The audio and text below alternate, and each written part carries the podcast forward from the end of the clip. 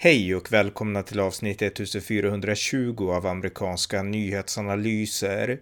En konservativ podcast med mig, Ronny Berggren, som kan stödjas på swishnummer 070-30 28 95 0. Här följer en uppdatering om det senaste i USA tillsammans med min kollega Björn Nordström. Varmt välkomna. Björn Nordström, välkommen. Tack så mycket. Eh, vi ska podda lite om det senaste som hänt i USA, så att ja, kör igång. Ja, vi kan ju dra igång med, jag nämnde förra podden att eh, här i staden Phoenix här så försöker man ju nu rekrytera poliser ifrån mellanvästern. Med andra ord mellanvästern, liberala städer i mellanvästern, man säger till poliser flytta därifrån, kom ner till Phoenix istället. Jag såg nu att delstaten Washington, framförallt Spokane i Washington, Spokane i Washington är en konservativ uh, stad i delstaten Washington och delstaten Washington är ju vänsterliberal egentligen, men, men just Spokane är uh, konservativ. Och Spokane nu aktivt rekryterar poliser från Austin, Texas. Austin, Texas är ju väldigt vänsterliberal och de är ju defunded polis. De vill ju inte ha några poliser där längre. Men jag såg nu också att det håller på att vända i Austin för de har ju skärt ner mycket på poliser. Jag tror de skar ner en tredjedel av polisbudgeten och, och, och polismyndigheten då. Men det, brotten har ökat så oerhört, speciellt morden, antalet mord i Austin, Texas.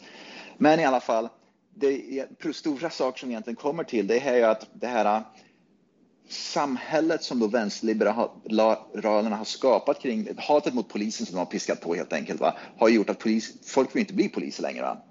Så att istället för att nu, nu liksom försöker ju städer lösa polis, att man inte har några poliser med att försöka liksom dra till sig poliser från andra delstater och andra städer i princip. Men det går ju inte i långa loppet. Va? Därför att om Phoenix får massa poliser från mellanvästern, då har ju inte mellanvästern sina poliser. Och om, om Austin, Texas förlorar sina poliser upp till Spokane, Washington, då finns det inga poliser i Austin, Texas kvar till sist. Va? Poli problemet grundproblemet är att helt enkelt vänsterliberalerna har ju piskat på ett polishat som inte helt enkelt gör att, att man kan upprätthålla en polismyndighet längre i USA. Mm. Och det måste ju framförallt förändras. Hela liksom, attityden kring poliser måste ju förändras. Man måste börja uppskatta och respektera poliser helt enkelt. Ja, ja verkligen. Ja, eh, ja fortsätt. Ja, du vet, kommer du ihåg den här Andrew No? Han, Andrew No, han var ju då en, han är en konservativ journalist då.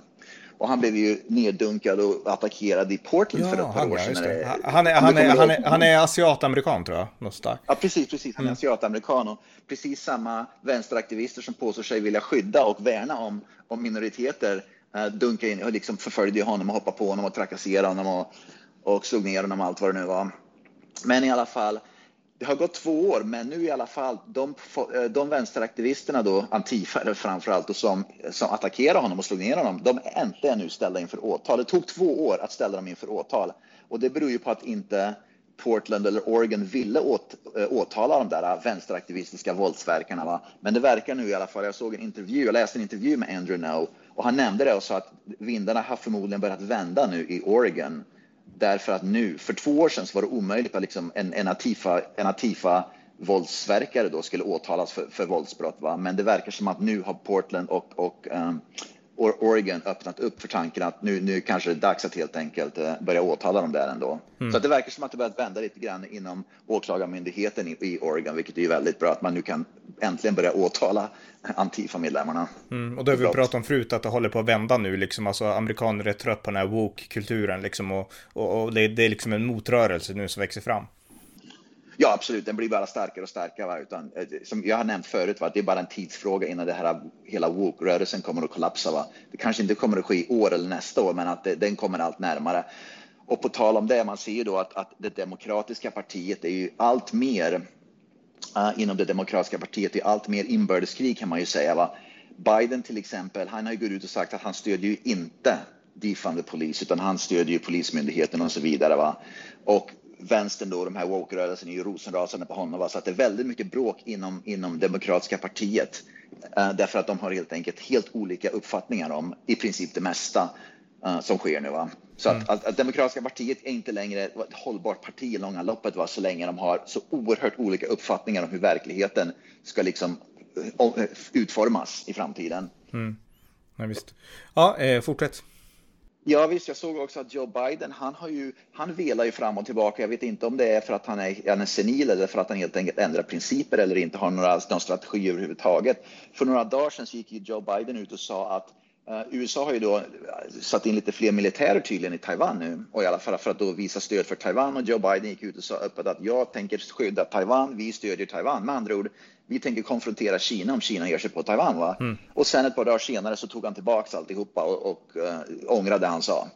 Så ja. att det verkar som att Biden inte har någon, vad ska man säga, principfasthet vad gäller Taiwan, utan han hoppar fram och tillbaka. Ryktet är att han tog tillbaka det därför att hans rådgivare tyckte inte det var smart av honom att säga det. Va? Men det visar också att det inte är Joe Biden i så fall som, som är president, utan det är rådgivarna som helt enkelt som, som, som, som, går, som, som talar om för honom hur han ska, hur han ska styra landet. Va? Men ingen riktigt vet vem som styr landet längre. Men Biden verkar i alla fall, han ändrar uppfattning väldigt mycket konstant nu. Mm. Eh, ja, precis. Och på tal om Taiwan, då kan vi hoppa till två utrikespolitiska ämnen då, som, eftersom det hör ihop med varandra. Kina har ju testat ett, eh, vad säger man, hypersonic missile, säger man på engelska, Hy hypersonisk missil yep. har jag läst på, på svenska. Och eh, general Mark Milley, som är Joint Chief of Staff, han har nu varnat igen, han har varnat tidigare också för att det här är väldigt bekymmersamt och att det här är ett sp Sputnik moment, alltså när det var 1957 som uh, Sovjet var först i rymden, inte först på månen, men först i rymden. Och eh, det här är liksom, nu pågår en ny kapplöpning om rymden eh, mellan oss och Kina. Det är ungefär det som man säger. Och den här missilen, alltså det som gör den så extrem, det är att den är, den går runt i atmosfären och så går den supersnabbt och kan slå ner liksom inom loppet av, ja, jag kan inte tidsrymden, men en väldigt snabb missil. Och eh, det är inte bevisat än att Kina verkligen har den här tekniken och att den är avancerat och långt framkommen. Men USA känner tydligen att det här är, det går snabbt för Kina att komma framåt. Så att eh, det här verkar vara liksom en stor utrikespolitisk fråga fråga. Eh, så att allt utrikespolitiskt har med Kina att göra, Taiwan och det här och så. Ja, och det som är problemet för USA är att man, USA satsar ju all, alla resurser nu i alla fall med Biden-regeringen och så vidare. Medan Kina håller på att utveckla sådana här saker då USA bråkar om, om kön och vilket kön som ska få gå på vissa, vilka toaletter och, och, och det här woke-rörelsen och allting. Så att USA har, håller på att man, man liksom missar, man, liksom, man, man ser inte vad som pågår runt om sig utan man, för man är så himla, vad ska man säga, ingrötad i det här, i det här vänsterliberala woke-träsket helt enkelt. Det, det är väldigt, väldigt farligt därför att USA kommer ju tappa fyra år till exempel vad gäller sådana här saker som Kina håller på med. Va? För man har ingen koll på läget längre. Nej, och vänstern bryr sig inte om utrikespolitik utan allt handlar om oh, det interna. Så de är helt liksom, de är liksom helt introverta. Precis, och det gäller också nu eftersom Kina är väl kanske egentligen Nordkoreas närmaste vän om jag fattar rätt. Man, man undrar ju då om Kina utvecklar en viss teknik, kommer Nordkorea kunna få tillgång till den? Det undrar man ju också. Det är sådana där saker man börjar fundera på. Va? Mm. Eh, jag kan slänga fram en sak till också. Jag vet inte hur bra du har hängt med här. Jag har försökt hänga med. Jag har faktiskt inte hunnit så mycket som jag skulle vilja. Men det är ett otroligt spännande guvernörsval i Virginia nu på tisdag.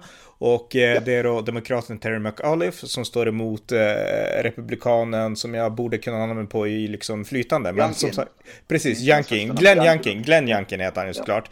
Ja. Och det, det, har ju liksom länge pratats om att McAuliffe skulle vinna lätt. Och Virginia har ju blivit en mycket mer blå demokratisk delstat de senaste tio åren. Men nu är det i princip 50-50 och eh, jag menar Glenn Youngkin har, han har alltså en, en, alltså en seriös chans att bli republikansk guvernör i Virginia. Och den har kampanjat på rejält, det har gått gå emot woke-kulturen och eh, ja. stå upp för föräldrarnas rätt att liksom, att deras, eh, att skydda, föräldrars rätt att skydda sina skolbarn från att bli indoktrinerade i critical race theory kan man säga. Och det har fått honom att liksom, ja, i princip stå liksom 50-50 mot demokraten McAuliffe. Ja, den senaste opinionsundersökningen så leder Janken faktiskt och tittar man på antalet personer som, som kommer till torgmöten så har ju han betydligt fler. Hans torgmöten är betydligt liksom mer packade uh, än, än McAuliffe. Han, de är i princip tomma alltså. Sen är det frågan om hur många som, som går och röstar. Va? Men det, för första gången på flera år så, så finns det en chans att Virginia får en republikansk guvernör. Och som sagt var woke-rörelsen uh, har ju liksom, de, woke-rörelsen förstör ju egentligen för många eh, normal, för demokraterna på mångt och mycket faktiskt. Och på tal om McAuliffe och Youngkin, um, den här, uh, vad är det, Lincoln Project, vad det nu heter, uh, det finns väl ingen koppling till McAuliffe, men det fanns massa, det var bara för ett par dagar sedan kom fram en video, det var flera stycken vita personer som då var utklädda till någon slags vitmaktrörelse och någon slags nynazister eller vad det nu var i Virginia och liksom stod och i princip hyllade då Youngkin. Med andra ord, de framställdes som att det var en vitmaktrörelse som gav stöd till Youngkin, den republikanska kandidaten där. Det visar sig då att, den här, att en vänsterextremistisk organisation som faktiskt var de som hade anlitat människor för att helt enkelt försöka få Yankee att framstå som en vitmaktsrörelse mm. uh, person helt enkelt. Va? Och, och, och Yankee var ju skitförbaskad, det förstår jag också, men han sa ju rakt ut då att, att det är så här, han, han sa ju då att det var McCauliffe som låg bakom det hela. Det vet ju inte jag om han gör det eller inte, va? Men, men hans poäng var med det att, att vänstern och demokraterna har inga sakargument argument längre. De är tvungna nu att försöka liksom hitta på att, att det är en vitmaktrörelse som står och, och demonstrerar på torget och stödjer mig. Det är deras bästa argument mot min politik. Mm. Så man, de, de, desperationen är ju, vänstern och demokraterna är mycket mer desperata. Det är samma sak i Sverige med socialdemokraterna, ser man ju. Va? Vänstern och dem, demokraterna här är ju mycket, mycket mer desperata att, att smutskasta och, och bete sig fruktansvärt under politiska kampanjer därför att de inte helt enkelt har en politik eller några sakargument som helt enkelt som går hem längre i landet därför att folk liksom begriper Eh, liksom att deras sakpolitik inte fungerar och det här snacket om woke är allt fler människor i USA bara trötta på. Mm. Och på tal om Virginia, Kamala Harris hon var där nu nyligen och höll ett kort stump speech då för, för McAuliffe, demokraten. Och hon sa att uh, what happens in Virginia will in large part determine what happens in 2022 and 2024 sa hon. Uh, you're gonna bring this home right, sa hon. Och så försökte hon då få liksom, uh, ja, samlingen där att bli entusiastiska för McAuliffe. Men det är ju inget snack om att hon kan ju inte dra publik. Han kan inte dra publik utan det är, nu är det Jankin och det är liksom Liksom republikanerna som drar folk. Ja visst, de enda, det är lite grann så att det var som med Donald Trump ungefär att folk i Virginia kommer inte, de, vänstern går inte ut, eller demokraterna går inte ut och röstar för att de älskar liksom McAuliffe eller för att de älskar Joe Biden och Kamala Harris. De går ut och röstar emot, precis som man röstar emot Donald Trump ungefär. Det är ungefär samma sak. Det finns ingen entusiasm för att rösta för sitt parti eller för sin demokratiska kandidat. Entusiasmen är att helt enkelt rösta emot. Mm. Republikanerna helt enkelt. Va? Och då vet man ju att då är det något fel på hela partiet och hela systemet om man, om man röstar för att rösta emot, inte för att man röstar för någonting. Och det, går inte, det är liksom inte hållbart i längden sånt där. Nej, precis. Ja, eh, någonting annat? Ja, Joe Biden i alla fall. Han, eh, han hyllar i alla fall Thomas Jefferson. Han gjorde tal häromdagen. Han hyllar Thomas Jefferson och det är någonting som också vänsterliberalerna, framförallt extremvänstern, är så förbaskade på. För extremvänstern här i USA med de här de, vill liksom, de har ju monterat ner staty i New York av Thomas Jefferson. Precis. Mm. I alla, ja, och, och, Joe Biden för några dagar sedan i alla fall i ett tal i Washington DC citerade Thomas Jefferson och, och hyllade Jefferson i alla fall.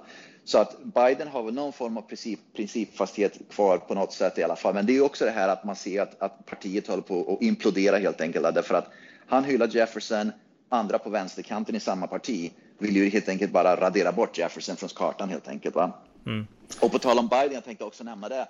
Han deltog ju väl i eh, klimatmötet som var, var det i Rom för några dagar sedan.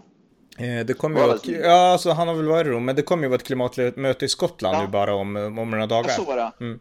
Ja, så var det. Men i alla fall, de snackas i alla fall. Biden tog med sig en tredjedel av hela sitt kabinett. Typ. Och det här visar ju då som ja. uh, framförallt hur, hur det här med, med, med hyckleriet som sker inom det demokratiska partiet. Biden snackar om klimatet. Bidens entourage, alla hans vad ska man säga, personer som kom med honom då för den här Europaresan. 85 bilar, 85, 85 bilar i en lång karavan åkte med Biden för att helt enkelt vara med honom då. Och det säger att Biden flyger med en hel karavan till, USA, eh, till Europa med flygplan har 85 bilar som alla liksom då ska köra ner på gatan. Och det visar ju då att, liksom att det snackas mycket om klimat och allting, men när det kommer till kritan så, så gör de raka motsatsen mot vad som är bra för klimatet. Va? Det är det vänsterliberala hyckleriet. Ja, ja, verkligen. Eh, jag vill bara hoppa tillbaka till Thomas Jefferson och börja påminna om, alltså Jefferson är ju min politiska idol egentligen. Eh, han har varit mitt föredöme sedan jag var tonåring. Och det här monumentet som finns i Washington DC, det Jefferson Memorial, det byggdes av demokrater, för du var inne på att liksom han, eh, Biden vill försvara Jefferson. Och det faktum är att det var demokraterna mm. som lät bygga det Jefferson Memorial, därför att republikanerna hade ju såklart det Lincoln Memorial, Lincoln var ju definitionen yeah. av en republikan, och det var republikaner som byggde det och alla kom dit och demokraterna var avundsjuka, så de ville bygga sitt eget memorial och då vart det Thomas Jefferson. Men vi ska komma ihåg att det här var ju en tid när demokraterna inte var som de är idag, utan då, då hyllade de verkligen, jag menar Jefferson gillade södern och det fanns en tid när demokraterna också gillade södern och, och sådana saker och Jefferson han gillade liksom jordbruksliv, Joe Manchin skulle säkert direkt liksom komma bra överens med, med Thomas Jefferson och, eh, och sådär. Och ja, Jefferson var ju för individuell frihet och massa sådana saker. Så att eh, dagens demokrater, man fattar att de är splittrade, för nu har vi liksom en socialistisk vänster som inte har något gemensamt med Jefferson. Men sen har vi också de här äldre demokraterna, som till exempel Joe Biden, som ändå måste minnas hur väl man pratade om Thomas Jefferson när han var ung, till exempel, även bland demokrater. Så att eh, lite historia där bara. Mycket intressant, det visste jag inte alls. Och jag tänkte bara på nämna det här. Det som ska bli intressant, du nämnde Kamala Harris framförallt, eh, att hon hade varit där och hållit något tal. För det första så att oj, Kamala Harris, lever hon fortfarande? Det visste jag inte för att hon syns och hörs aldrig mera. Men i alla fall, poängen här är att, att Demokraterna, om, republik, om det blir en republikansk guvernör i Virginia, då kommer det nog bli betydligt ännu mer inbördeskrig inom Demokraterna därför att då börjar folk inse inom partiet att att det här håller inte längre. Förlorar vi Virginia så kommer vi sannolikt att förlora 2022 med. Va? Mm. Och, så det ska bli mycket intressant att se om, om, och man hoppas verkligen det, att, att en, en Youngskin vinner i, i, i, Virginia, därför att det kan verkligen, vad ska man säga, det verkligen liksom eldar på inbördeskriget som liksom ligger och, och gror inom det demokratiska partiet. För då, bör, då måste det så småningom komma någon fram och säga att vi kan inte ha de här vänstergalningarna längre i partiet, de måste ut. Mm. Ja, verkligen. Eh, och på tal om det, liksom de här med normala demokraterna, vi nämnde ju Manchin och du har ju din egen senator från, jag, jag har glömt hennes namn, men hon Kirsten från... Precis, från Arizona. Hur går det för dem nu i den här liksom, långa förhandlingen om budgeten och så? Ja, ja, Kirsten Sinema, hon blev attackerad på flygplatsen av de vänsterliberala här också bara för några dagar sedan. Hon skulle flyga tillbaka till Washington från Arizona, så hon blir attackerad konstant nu. Men hon böjer sig inte, hon viker sig inte. Hon är totalt nej, jag ställer inte upp på det där. Mm. Uh, på den budgeten så att eh, de, de försöker med våld nu för, försöka få henne att ändra på sig, men hon, hon ändrar inte på sig, vilket är bra. Man måste ju också tänka att vänsterliberalerna, de begriper liksom inte att Kirsten Sinema till exempel, hon representerar ju folket i Arizona, Arizona-folket, även om hon är demokrat så är ju faktiskt i princip hälften av folk, befolkningen i Arizona republikaner. Och demokraterna här är moderata demokrater. Det, det finns inte speciellt många vänsterliberaler liksom på vänsterkanten som till exempel i Vermont. Och det där de måste inte begriper tydligen att hon representerar delstaten Arizona, vilket gör att hon måste se efter invånarna i Arizonas intressen, mm. vilket inte är detsamma som till exempel Alexandria Ocasio-Cortez intressen. Nej, nej verkligen. Precis. Ja, ja fortsätt. Jajamän, vi har ju pratat till exempel att, att i uh, många delstater nu och även federalt så börjar det bli de här vaccinationsmandaten. Man måste, liksom, mandaten man måste då, om man inte vaccinerar sig mot covid så blir man sparkad, man får inte ha kvar sitt jobb längre. Va? Mm. Många i brandkåren i, i, i staden New York City vägrar att vaccinera sig. Jag läste någonstans att, jag vet inte hur många det var, men flera dussin, poli, eh, förlåt, flera dussin brandstationer på Manhattan eh, har varit tvungna att stänga därför att de har inte längre eh, brandmän som, som helt enkelt kan jobba där. Därför att brandmännen i Manhattan vill inte vaccinera sig, då får de inte jobba kvar som brandmän och då har de slutat istället. Och då var de, då var de tvungna att stänga brandstationen. Så istället för en brandstation, om det brinner en skyskrapa i Manhattan nu, istället för att en brandstation som ligger säg 100 meter bort, då kanske det måste vara en brandstation som ligger 3 kilometer bort eller fram, eller kanske i Brooklyn som måste rycka in helt enkelt. Och det är det de inte begriper var till sist, att det gör mer skada än nytta att hålla på så där, därför att man, man i princip, Bill de Blasio, borgmästaren då i, i New York City, för hon, han, liksom är, han är villig att, ha, att, att en hel skyskrapa brinner ner med människor inom, i, i skyskrapan för att helt enkelt påtvinga den här mandat, eh, att man måste vaccinera sig, än att helt enkelt ge, ge in och säga okej, okay, vi måste ha brandstationer öppna därför att det är en så viktig funktion i samhället att vi måste helt, vi kan inte påtvinga brandsoldater eh, vaccination därför att de, de vill inte ha det helt enkelt. Va? Nej, men det, det, visar att de, de här demokraterna sätter, ja, men det här är ju essential workers liksom, och man sätter liksom Precis. vaccinationkravet före att det ska finnas essential workers. Precis, och det, det är det man ser. nu. Sjuksköterskor säger upp sig här i USA, poliser vill inte längre, de säger upp sig eller att de blir sparkade, de får inte fortsätta. Så att de här delstaterna som trycker på det här, till exempel Washington, New York, Kalifornien, de har inte längre en polismyndighet, ingen brandmyndighet, de har inga sjuksköterskor kvar längre, lärarna, det finns massa lärare som inte kan jobba längre. Va? De begriper inte att essential workers är de som kommer att som upprätthåller sam, extremt viktiga samhällsfunktioner de försvinner och då finns det inga kvar som gör det jobbet längre. Va? Och det går inte liksom bara att, att ersätta dem hur lätt som helst, speciellt när det är en brist på poliser, en brist på lärare, en brist på sjuksköterskor redan. Det är inte så att man bara kan, liksom, att, att man liksom bara kan trycka in andra som tar jobben nästa dag. Va? Så att, jag tror inte de begriper vad de håller på med, de här politikerna som påtvingar folk när, när liksom att de ser att ja, samhället får kollapsa istället och runt omkring oss, men vi ska ha kvar de här äh, tvången om vaccinationen. Mm. Ja, precis. Ja, eh, ja fortsätt. Något annat? Ja, det är, en, det är en jättestor karavan i alla fall från, syd, från Latinamerika som är på väg genom Mexiko. Ytterligare en sån här massiv karavan med 10 000 eller vad det nu är. Uh, illegala, eller inte illegala, migranter då som kommer att bli illegala migranter, migranter här i USA. Och de är just nu genom Mexiko, bokstavligen de promenerar då och de är just nu på väg genom Mexiko. Mexiko erbjöd dem visum, att de ska få stanna i Mexiko, men migranterna vägrade. De är beslutsamma att, att gå promenera upp till USA och korsa gränsen därför att uh, Bidens politik är så, uh, vad ska man säga, uh, är, är, så öppen för dem att de, de, de, vill inte ens stanna i Mexiko. Det är bara USA som gäller. Mm. Så den kommer ju stå här nu. Den kommer att komma till, till, till amerikanska gränsen nu om några veckor. Ja, och det för oss till nästa ämne som jag tycker det här är alltså, det här borde vara rubriker överallt, men det är så här att Biden-administrationen, de överväger att erbjuda hundratusentals dollar till föräldrar och barn som har separerats av amerikanska gränsvakter. Och det här är separationer som skedde när Donald Trump var president. Och de här separationerna har... Även under Obama. Okej, okay, även under Obama, okej, okay, precis. Det startades under Obama, ja, det var ett program som, som Trump tog över av Obama. Just det, okej. Okay. Men hela poängen är alltså, det kommer illegala till USA, gränsvakterna säger att hit får ni inte komma och i den processen, eftersom de här människorna är illegala, för det är precis det de är, och även om det är synd om dem, det kan det vara, de kommer ändå illegalt. Och gränsvakterna har separerat föräldrar från barn och vi som kan där, vi vet att eh, det är inte alltid lätt att veta vilka föräldrarna är och även om det kanske skulle vara riktiga föräldrar så är det ändå, de gör något illegalt liksom. Och USA kan inte liksom ta ansvar i alla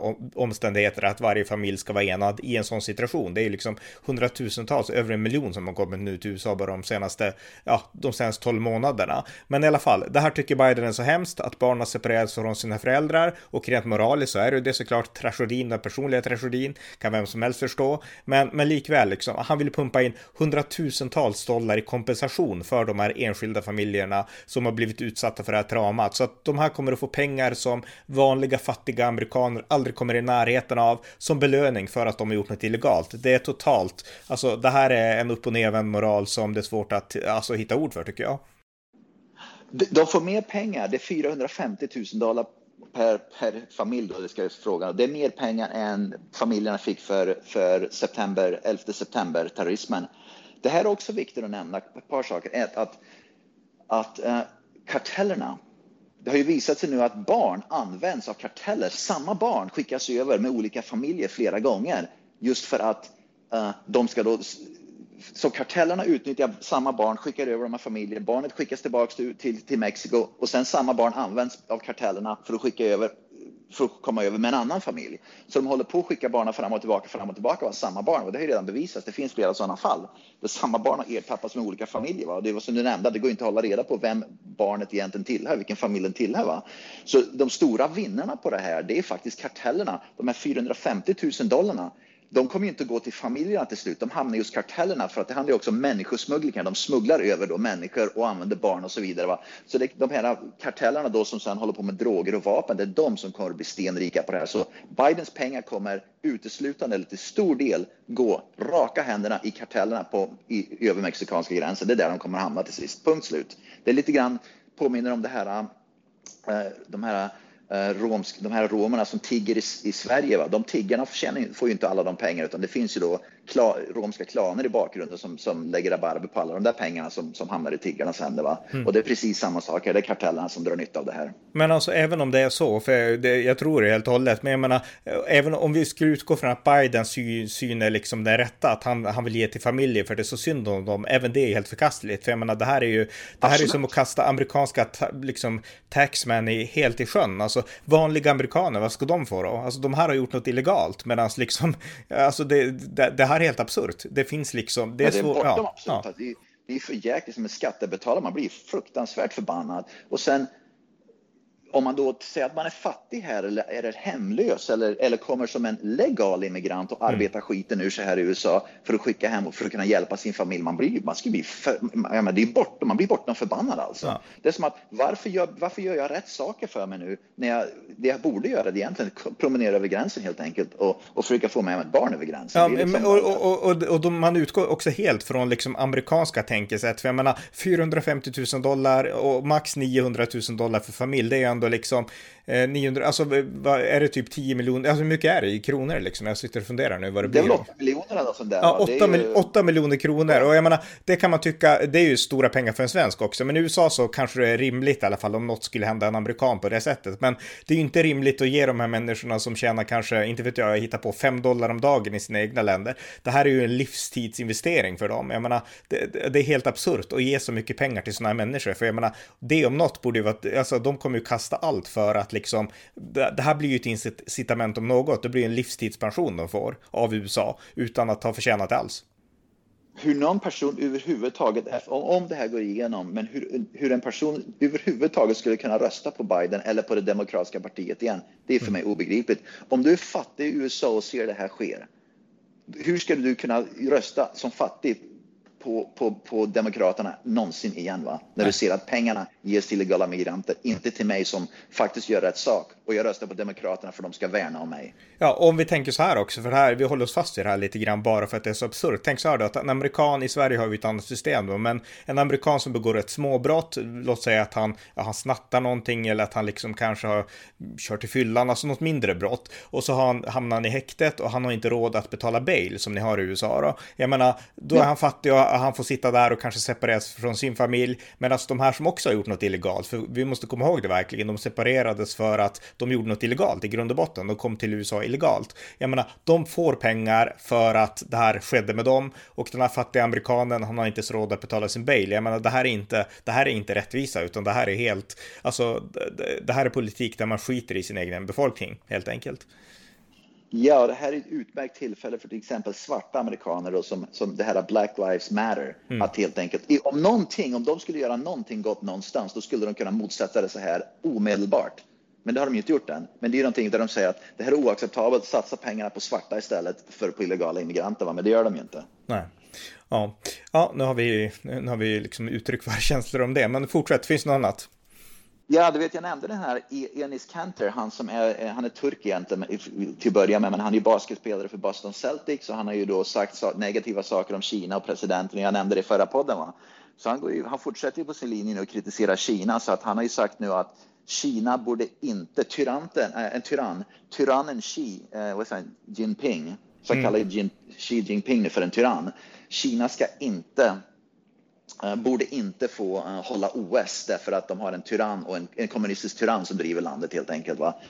Så att han fortsätter sin kampanj mot ja, sin bra kampanj men mot Kina i alla fall. Så NBA här i USA är, blir allt mer de börjar liksom slingras som en mask på en metkrok ungefär. Därför att det börjar bli, de börjar bli så okomfortabla vad som pågår. Men han fortsätter, så det är mm. väldigt bra i alla fall. Han, han, han verkligen, verkligen liksom river eh, vad ska, exploaterar då det här hyckleriet inom NBA och liksom verkligen börjar röra runt i den här ah, soppan som finns här med att, att NBA och professionell idrott är så himla beroende av Kina och helt enkelt låter Kina styra. Ja, och på tal om Kina och OS i Kina så är det så här att eh, det har eh, hockey, alltså det, det är hockey också i, i den här ligan och Kina har lottats in i samma grupp, i grundgrupp som USA och Kanada, alltså två av världens bästa hockeylag. Sen tror jag Sverige är ganska högt upp också, men Kina är definitivt inte högt upp så att nu håller hockeystyrelsen på att överväga, alltså OS-kommittén på att överväga om de ska liksom inte ens släppa in Kinas hockeylag i sitt eget OS därför att det skulle bli så stor förnedring för Kina att vara i samma grupp som USA och Kanada. Så att det är lite kul. Ja, jag såg det. Jag läste det. Ja. Ja. Eh, ja, eh, något annat? Ja, du vet att Ben Jerrys, den här glasstillverkaren som från ursprungligen är från Vermont, men som nu uppköpt, blev uppköpt av ett större företag för några år sedan. De har ju då bojkottat Kina, som, eller förlåt, Kina, Israel. De har ju bojkottat Israel som du kanske vet om. Ja, just det. Ja, så var det. Mm, mm. Ja, jag menar, det var ju då även eh, Ben Jerrys i Sverige då gick ut med att vi, vi ska inte sälja i, i, alltså, i, i Sverige också? Gick Sverige också ut med det? Alltså Ben Jerrys i Sverige? Det minns jag inte. Men ja, okay. jag, läste, mm. jag, jag läste några mm. inlägg av, av Ben Jerrys i Sverige där de, var, där de kritiserar Israel. Hur som helst i alla fall, delstat, om det är delstaten eller New York City, en av de två, jag tror det är New York City. Uh, New York City uh, har vad ska man säga, arbetstagares pensioner investerade i många företag i Israel. Och um, inkluderat Ben Jerrys. Mm. De då, så när man betalar pensioner här så investerar då, vad ska man säga, delstaten då som, som hanterar pensionen då som går till, vad ska man säga, del, delstatens del av pensionen. De får investera i alla fall i olika företag och i alla fall Eh, New York i alla fall sagt nu att de ska inte, de ska ta ut alla sina investeringar, vilket är närmare en miljard dollar från, från alla Ben Jerrys, uh, från Ben Jerry helt enkelt. Som andra ord, de säljer av alla sina aktier från Ben Jerrys därför att de har sagt att vi kan inte stödja ett företag som, som helt enkelt är antisemitiskt. Så att New York med det Bill de Blasio spetsen har faktiskt rutit ifrån och sagt att vi, vi, vi tänker inte låta New York medborgares uh, eh, pensioner vara investerade i Ben Jerrys därför att de är emot Israel, därför att deras bojkott av Israel är inte okej. Okay. Ja, och det, det tycker jag är bra. Så det här är de två enda fördelarna med liksom Los Angeles och New York. Det är att båda, historiskt i alla fall, är ganska vänliga till Israel och till det ja. judiska communityt. Jag menar, jag har aldrig varit i Los Angeles, men New York kryllar av judar, ortodoxa judar och sådär. Och, ja. och jag tror att det är likadant i Los Angeles. Så att det finns en historia av att vara liksom Israelvänlig i de här totalt liberala städerna. Och det är väl den enda förlåtande egenskapen de har kanske. Jajamän, så att det är i alla fall någonting bra som Bill de Blasio gör nu och judarna i New York är en väldigt stark grupp. De är väldigt mycket, vad ska man säga, de kan, de kan pressa på ganska bra så det, det, det, är bra att sånt där händer, att Bill de Blasio kan ta ett vettigt beslut i alla fall mm. i sådana lägen. Så no, någonting gott gör de Blasio i alla fall. Ja, ja har du något annat? Uh, Ja, jag såg att det var en rappare. Det finns något som heter Let's Go Brandon. Det finns något, jag, jag såg i svensk tidning idag. Det var man skriver att Let's Go Brandon här som, som republikaner. Ja, men vi har väl pratat om det, vad bakgrunden, eller hur? Visst ja, har vi gjort det? Ja, ja, just, ja just, jag tänkte just säga att jag tror till och med svensk media har plockat upp det här. Ja, ja. Och det, jag tänkte bara nämna det hyckleriet i svensk media. Va? Att i svensk media skriver man det här att det är, man, det är ett hatkampanj mot, mot uh, Joe Biden. Men när precis samma, vad ska man säga, körsångare, fast andra ord skrek som Donald Trump, då var det, då liksom var det kritik som gällde. Va? Och det är det här typiska svenska mediet, att man liksom använder sig av helt olika uttryck baserat på om det är Joe Biden eller om det var Donald Trump som, som liksom fick det riktat emot sig. Mm. Och jag menar, vadå hatkampanj? Det här var ju liksom journalisten, antingen gjorde hon det medvetet, det här var ju under ett Nascar-race och det var så här att publiken stod och ropade liksom Fuck you Biden, det har blivit en team som många ropar liksom. Ja, och i Nascar så är man ja. oftast konservativa så publiken ropade det. Och då var det en kvinnlig journalist som intervjuade eh, Nascar-stjärnan som just hade vunnit, som hette Brandon. Och så sa han av, hur känns det liksom? Och sen sa han, men titta, lyssna, de säger Let's go Brandon, fast de sa fuck yeah. you Biden egentligen. Och eh, det var ju det ja, som precis. skapade det här mimet då. Så jag menar, det här kan man ju inte säga att det är en hatkampanj, utan det är bara liksom en meme. Alltså det här, det, det, hon själv skapade det här. Det var liksom inte någon liksom genomtänkt strateg från den hatiska högern, utan det här var journalisten själv som försökte censurera det som faktiskt sades. Precis, och det var det jag, jag läste var det idag eller igår var det i en, en, svensk, en svensk tidning, minns inte vilket det var, Aftonbladet, jag minns inte vilket det var, men det var i alla fall att att det tas upp nu som att det här är en hatkampanj riktad mot Joe Biden helt enkelt. Va? Och det visar att svensk media, antingen vet de inte vad som pågår, hur saker och ting fungerar, eller så medvetet tar de något sånt här för att göra om till något helt annat för att passa en agenda. Det är bara svinaktig svensk media som håller på sådär. Va? Mm. Och var, jag tänkte också bara nämna innan, jag har ingen grej kvar, men jag tänkte bara nämna, det är precis samma sak det här med att eh, Donald Trump fick ju väldigt mycket kritik först mot, riktad mot sig av svensk media med att han separerar familjer. Men svensk media nämnde aldrig att det var faktiskt Barack Obama, på tal om det igen, att det var Barack Obama som startade det programmet och Trump bara upprätthöll det. Svensk media nämnde aldrig det, utan det var bara Trump separerar familjerna. Men det var egentligen Barack Obama som, ska, som, som skapade allt det där. Så typiskt svensk media. Mm. Jag har en sista sak och det är att eh, Andrew Cuomo, alltså New Yorks för detta guvernör, han kommer nu att ställas inför åtal, alltså på grund av de här ja. sextrakasserierna som han har blivit, eh, ja, som har bevisats att, att han har utfört och utsatt tio kvinnor för eller någonting. Och nu skyller han ifrån sig, han har skrivit på Twitter, han får kvar Twitter kan sägas, att han har skrivit att eh, Sheriff Apple och Tish James, de har liksom gjort det här värsta som man kan göra i politiken då, och eh, han menar att eh, även Attorney General Letitia James, alltså att de har, eh, de är inkompetenta och de har liksom missbrukat lagen och, och sådana saker. Så att han, han fortsätter bara skylla ifrån sig liksom och skyller på alla andra. Ja, han verkar inte ta överhuvudtaget något ansvar. Så det ska, det ska bli ett väldigt intressant fall att se hur det här slutar i alla fall. Det ska bli mycket intressant att se. Det. Sådana här åtal tar ju flera år att gå igenom domstolar och, och så, så att vi kommer inte se någonting i en domstol på ytterligare ett antal månader och sen så kommer oavsett hur det kommer att sluta så kommer ju någon att överklaga det till nästa instans och så vidare. Va? Mm. Så det är nog ett par år kvar, men i alla fall det ska bli intressant att, att se hur det här utvecklas helt enkelt. Va? Därför att det är ord mot ord och Cuomo han är ju en slisk helt enkelt. Jag, jag, menar, jag har inga bevis för någonting, men, men jag skulle inte bli förvånad över om, om, om Kom åker dit på ett eller annat sätt. Nej, nej visst. Ja, nej, men vad bra. Då har vi fått en uppdatering, så tack så mycket Björn. Ja, yes. tack så mycket. Det var avsnitt 1420 av amerikanska nyhetsanalyser. En konservativ podcast som ni gärna får stödja på swishnummer 070-30 28 95 0 eller genom att via hemsidan stödja på Paypal, Patreon eller bankkonto. Det var allt för den här gången. Tack för att ni har lyssnat.